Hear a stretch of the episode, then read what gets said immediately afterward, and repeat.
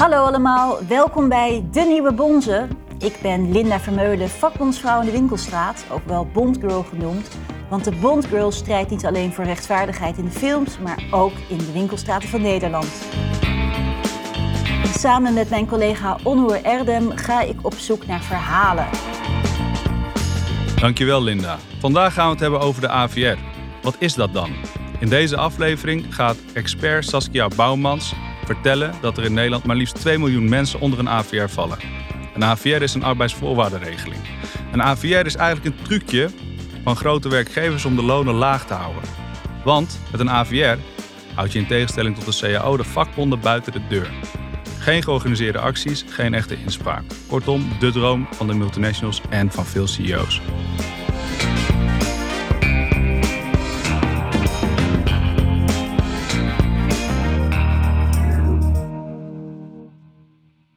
Elke dag is er wel ergens een bedrijf dat zal proberen om de CAO in te ruilen voor een AVR. Dat is nu ook aan de hand in de winkels op Schiphol, See Fly bijvoorbeeld. Daar voeren de medewerkers nu ook actie. Laten we spreken met iemand die onder een AVR valt. We bellen vandaag met René Overklift. Hij werkt bij de Jumbo en heeft aan de lijve ondervonden wat het is om van een CAO naar een AVR te gaan. Hij zit in de tuin, dus let vooral niet op de vogeltjes. Hallo, met René. Dag René, je spreekt met Onder. Hoe is het? Goed. Ja, ik zit uh, buiten te genieten nou. Eventjes. Lekker man. Ik uh, spreek vandaag met René Overklift. Zeg ik het zo goed? Ja, Overklift. K-L-I-F-T. Ja, ja, René Overklift. René Overklift is een van de knallers van uh, DC Veghel bij de Jumbo. Tevens kaderlid van het FNV. Ja. En hij heeft aan een lijve ondervonden hoe het nou precies is om van een CAO naar een AVR te moeten gaan. En misschien ook wel weer terug te gaan naar een CAO, hopelijk. Ja, ja, je weet het niet. Hè? Nou, maar waarom kiezen ze dan toch ervoor om voor die AVR te gaan?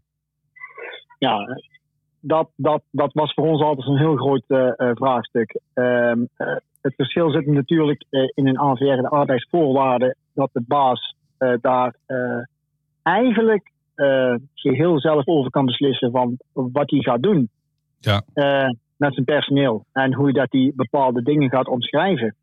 Kijk, met een, uh, een CAO kunnen wij bepalen. Wij zijn de leden. De leden kunnen inbrengsten geven naar de FNV toe. En de FNV gaat dan voor ons onderhandelen. Met een AVR heb je niemand die hoeft te onderhandelen. Want de baas die zegt dan gewoon, nou, we hebben een directie. we willen even wat dingetjes veranderen.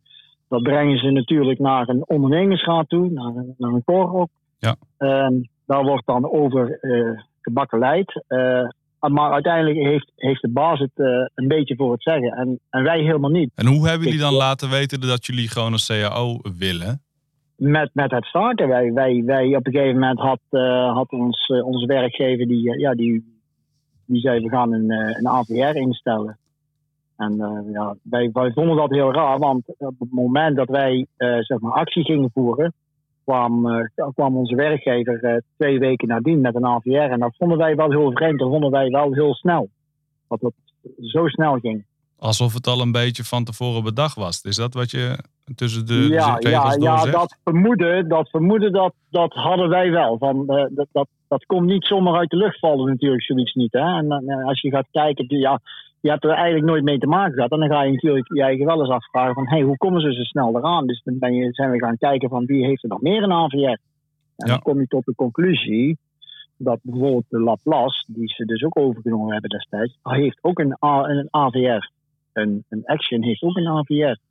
Ja. en als daar uh, het beste voor de werkgever uitkomt, dan is het natuurlijk uh, ja, 1 plus 1 is 2, hè?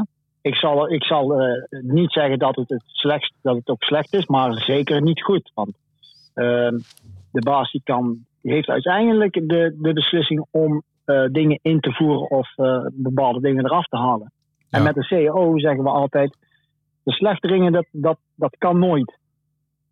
Maar als je bijvoorbeeld nu kijkt wat we nu hebben, hè, onze, of tenminste onze voorwaarden die behouden wij, die we hadden in de CAO. Maar als we nou nieuwe mensen binnenkrijgen, ja, die moeten veel inleveren hoor. Die komen echt met, uh, die komen maar, uh, die komen dus met die AVR ja. echt binnen. En ja, daar zijn lonen op aangepast. Dus er is een soort tweedeling nu bij de mensen die daar werken. Doordat die AVR is ingevoerd. Iedereen die nieuw binnenkomt, werkt onder andere voorwaarden dan eigenlijk zoals jij, de oude garde noem ik het maar even. Die hebben betere voorwaarden. Hebben, ja, ons werkgever die heeft toen gezegd, eh, nou, eh, voor, de, voor de mensen die eh, al in loondienst waren voor 2017, die behouden wat ze, wat ze, wat ze hebben, alle voorwaarden, hè, dus wat er toen destijds in die CAO afgesproken was, die behouden ze. Maar ja, nieuwe mensen, bijvoorbeeld, ja, die, die moeten gewoon eh, drie, drie zaterdagen werken, bijvoorbeeld, ik noem maar even iets, en dan Ja. ook s'avonds, zaterdags, s'avonds werken. Eh, vier, ja, onze werkgever zegt we hebben een, een, een werkcultuur van, van eh 24-7, hè, op 7-24, ja. Dus dat, ja, dat moeten die nieuwe mensen doen en tegen een lagere loon. Dus eigenlijk zeg je nu, wat daar gebeurd is, is dat mensen, nieuwe collega's, exact hetzelfde werk doen als wat jullie doen. Ja. Enige verschil is dat ze nieuw zijn, maar dat ze wel anders worden beloond. Dat klopt. Dat is helemaal goed. Zijn jullie in de val gelokt? Zijn we in de val gelokt? Had je van tevoren kunnen weten dat een AVR dit tot gevolg zou hebben, ondanks dat de voorwaarden misschien niet direct slechter zijn? Maar de invloed heb je wel afstand van gedaan. Is dat, was, was iedereen daar wel bewust van? Eh, nee, want ik heb eh, enkele collega's eh, eh, gesproken en, die, en dan praat ik dus ook over pensioen, eerder stoppen met werken. En dat wordt dus in die AVR anders omschreven, zeg maar, als vroeger in die CAO. En die hebben toen destijds getekend voor de AVR, wat ik dus niet gedaan heb. Ehm, ja, en die vallen dus nu in de boter, want die moeten nou gewoon nog eventjes door blijven werken. Wat zou voor jou een oplossing zijn? Een oplossing zou zijn terug naar de CO. Dat is eigenlijk heel kort. Terug naar de CO, samen onderhandelen, samen goede afspraken maken en dat je ook samen kunt beslissen. Dat het, dat, dat eh, het personeel ook mee kan praten over de arbeidsvoorwaarden, over, over Ja, Wat je wil. invloed. invloed hebben over, over je, je werk, over je werkvoorwaarden. Nou, jullie Nou, werken dat, heb je met een CEO en dan heb je met een AVR niet. Een AVR heb je in principe, je kunt wel iets zeggen, maar ja, dat zijn woorden. Maar dat worden, dat worden alleen maar woorden en geen daden. Ja. Dus is er nog iets wat je zelf zou willen meegeven als klap op de vuurpijl? Ehm, ja, ik zou willen meegeven aan, aan alle mensen van, joh, als je nou lid gaat worden, dan heb je stemrechten. Dan stem je voor jouw arbeidsvoorwaarden. Dat heeft met alles te maken. Je pensioen, je, je arbeidsvoorwaarden, de uren die je werkt, je loon, alles. Dus het is niet zo van ik word lid en, eh, en de FNV die slokt het geld op, want zo werkt het echt niet. Dat is een mooi punt. Bedankt voor je tijd. Helemaal goed, joh. Niks te danken Oké, tot later. en succes, hè. Dank je. Hoi hoi. Yo, hoi.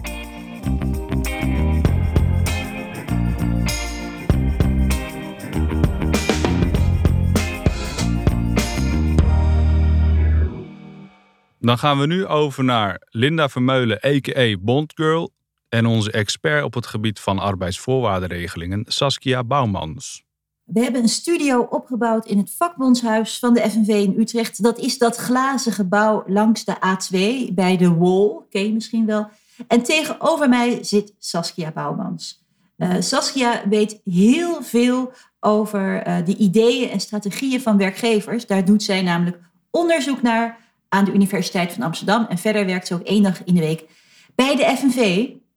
Welkom Saskia. Dank je, dank je. We hoorden net het voorbeeld van eh, Jumbo Distributiecentra. Voor hoeveel mensen in Nederland speelt dit nou?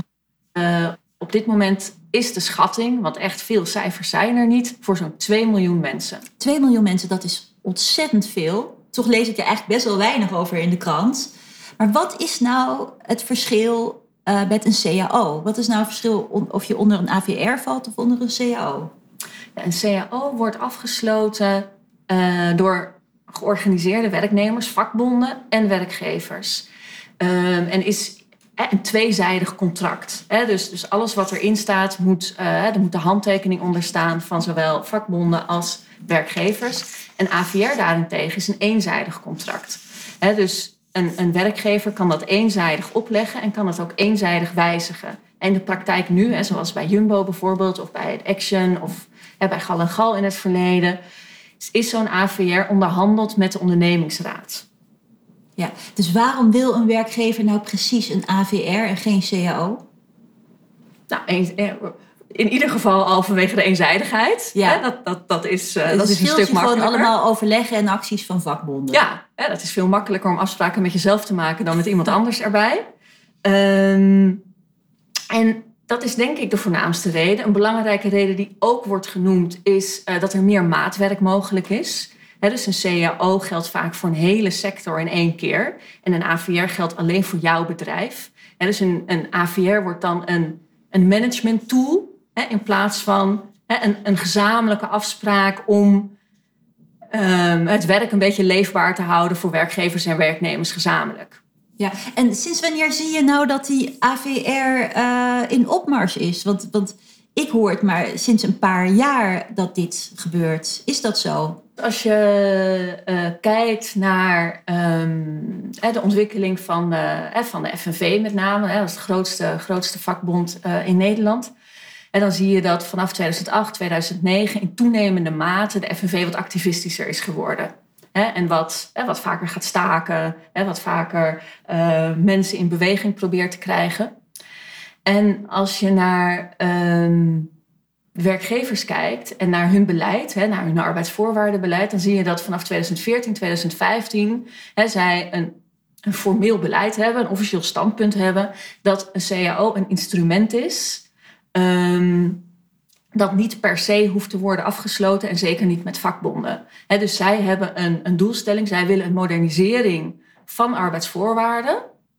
Ja. En ze zoeken daar draagvlak voor. En dat is met een vakbond, met een echte vakbond, als de FNV bijvoorbeeld, of CNV, of met een, een, een schootbond als het AVV, of met een ondernemingsraad, of gewoon helemaal niet. Ja. dus het idee dat uh, lange tijd er was. En niet alleen het idee, maar ook de praktijk. Hè, dat werkgevers en werknemers gezamenlijk een probleem zien in de organisatie van arbeid. En daar gezamenlijk een oplossing voor proberen te bedenken. Hè, dat lijkt een beetje losgelaten te zijn. Want de modernisering klinkt altijd zo, zo positief, maar ik heb toch altijd het idee dat er dan iets, dat er iets achter verborgen uh, wordt. Ja, daar lijkt het wel vaak op. Hè? Dus met modernisering wordt vaak bedoeld dat het minder collectief is want, want dingen collectief regelen is, uh, wordt gezien als ouderwets, dat het individueler is. En het, het, het, het aantrekkelijke daarvan is dan zo gezegd dat jij als werknemer zelf invloed hebt op je eigen arbeidsvoorwaarden en op hoe jij wil werken. In de praktijk betekent dat toch heel regelmatig um, dat je geen of minder rechten hebt waar je op kan terugvallen op momenten dat je dat eigenlijk nodig hebt. Ja, dus die 2 miljoen mensen uh, die onder een AVR vallen, hebben eigenlijk minder rechten dan over het algemeen dan mensen die onder een CAO vallen. Kan je ook nog even aangeven hoeveel mensen er in, CAO, in Nederland onder een CAO vallen? Ja, dat zijn er zo'n 5,5 miljoen. En dat is ongeveer 75 procent um, van alle werknemers. Ja, en om het nou nog ingewikkelder te maken, um, uh, is het nou zo dat een AVR per definitie slechter is dan een CAO. Nee, zeker niet. dus er zijn ook hele goede AVR'en. En dat, dat heeft enerzijds heeft dat te maken met de kwaliteit van de ondernemingsraad. En dat is wel ingewikkeld, omdat ondernemingsraden in tegenstelling tot vakbonden uh, werknemers zijn van de werkgever waar ze mee moeten onderhandelen. En dan is het een stuk moeilijker om te zeggen: hey, tot, tot, tot zover niet verder, ik ga hier niet mee akkoord. Bovendien is er vaak een informatieachterstand. Um, ja, het is gewoon moeilijker om met je vuist op tafel te slaan in een onderne als je in een ondernemingsraad zit. En inderdaad. Bent, ja. maar het voordeel bijvoorbeeld, dat is een heel merkwaardig voordeel van een AVR, is dat zij niet negatief mogen afwijken van de wet. En de mhm. CAO mag dat wel. En met name flexwerkers hebben daar wel last van in CAO's. Ja, denk bijvoorbeeld aan Picnic. Hè? Daar is een CAO afgesloten met de Unie, geloof ik waar dan op een bepaald punt negatief wordt afgeweken van de wet. En dat is dan weer een voordeel ten opzichte van AWR waar dat niet kan. Ja, inderdaad. Dus uh, het aantal flexcontracten in duur en in lengte, uh, of in aantal, um, uh, dat kan in een AVR niet worden verruimd en in een CAO wel. Nou, ze denken er wel goed over na in de Malitoren? Hoe, ze, um, hoe, ze, hoe ze het allemaal zo goedkoop mogelijk kunnen regelen. Ehm, wat kunnen mensen nou doen tegen een AVR? Ja, dus op zich heb jij het recht als individuele werknemer uh, om een AVR te weigeren. He, dus een, een, een arbeidsvoorwaardenregeling is niet zoals bij een CAO automatisch onderdeel van jouw arbeidsvoorwaarden. Maar jij moet daar individueel voor tekenen. Dus je kan dat weigeren. Dat is in de praktijk, weet ik niet of dat verstandig is. Omdat je je daarmee betekent dat je dan zelf individueel al jouw arbeidsvoorwaarden moet gaan onderhandelen met jouw werkgever. En dan val je terug op een tientje bruto per uur en 20 vakantiedagen per jaar. Het minimum, ja, ja, het wettelijk minimum. Inderdaad. dus wat verstandiger lijkt, is dat je bijvoorbeeld aansluit bij een vakbond. Uh, die gaat proberen om aan tafel te komen uh, uh, bij de werkgever om CAO-onderhandelingen van, van de grond te krijgen. Of dat je met een aantal mensen in gesprek gaat met de ondernemingsraad. Om te zeggen van wij willen liever jullie als ons vertegenwoordigend orgaan, wij willen liever een CAO. Bijvoorbeeld bij Gal en Gal daar heeft de ondernemingsraad een aantal jaar een AVR afgesloten. En op een gegeven moment is ze daarvan teruggekomen en heeft ze gezegd: nee, wij stoppen hiermee. En wij willen terug dat de vakbond gaat onderhandelen over een CO. Dus het kan wel. Ja. Ja, tot slot, waarom staan we eigenlijk toe dat dit gebeurt, dat bedrijven dit mogen doen? Ja, dat is, dat is een hele bijzondere situatie eigenlijk, omdat de wetgeving is niet zo bedoeld dus uh, ondernemingsraad is om uh, secundaire arbeidsvoorwaarden of, of de arbo uh, af te spreken in een, in een bedrijf en niet om primaire arbeidsvoorwaarden, dus loon, arbeidstijden, te onderhandelen met de werkgever. En dat gebeurt nu wel steeds vaker.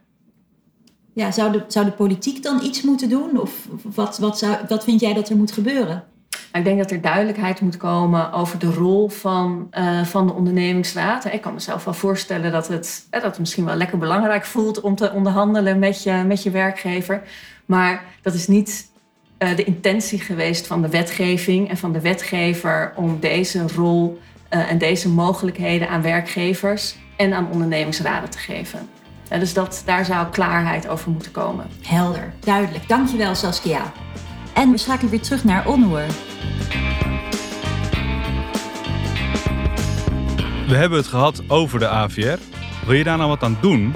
Word dan lid van de FNV. Stuur een mailtje naar onhoor.erden.fnv.nl.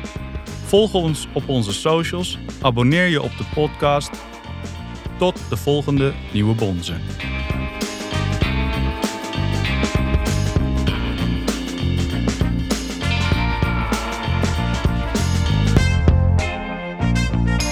Je luisterde naar De Nieuwe Bonzen, een podcast van de FNV. Deze podcast werd gemaakt door Linda Vermeulen en Onnoer Erdem. Gasten René Overklift en Saskia Bouwmans. Muziek en techniek Matthijs Duringhof.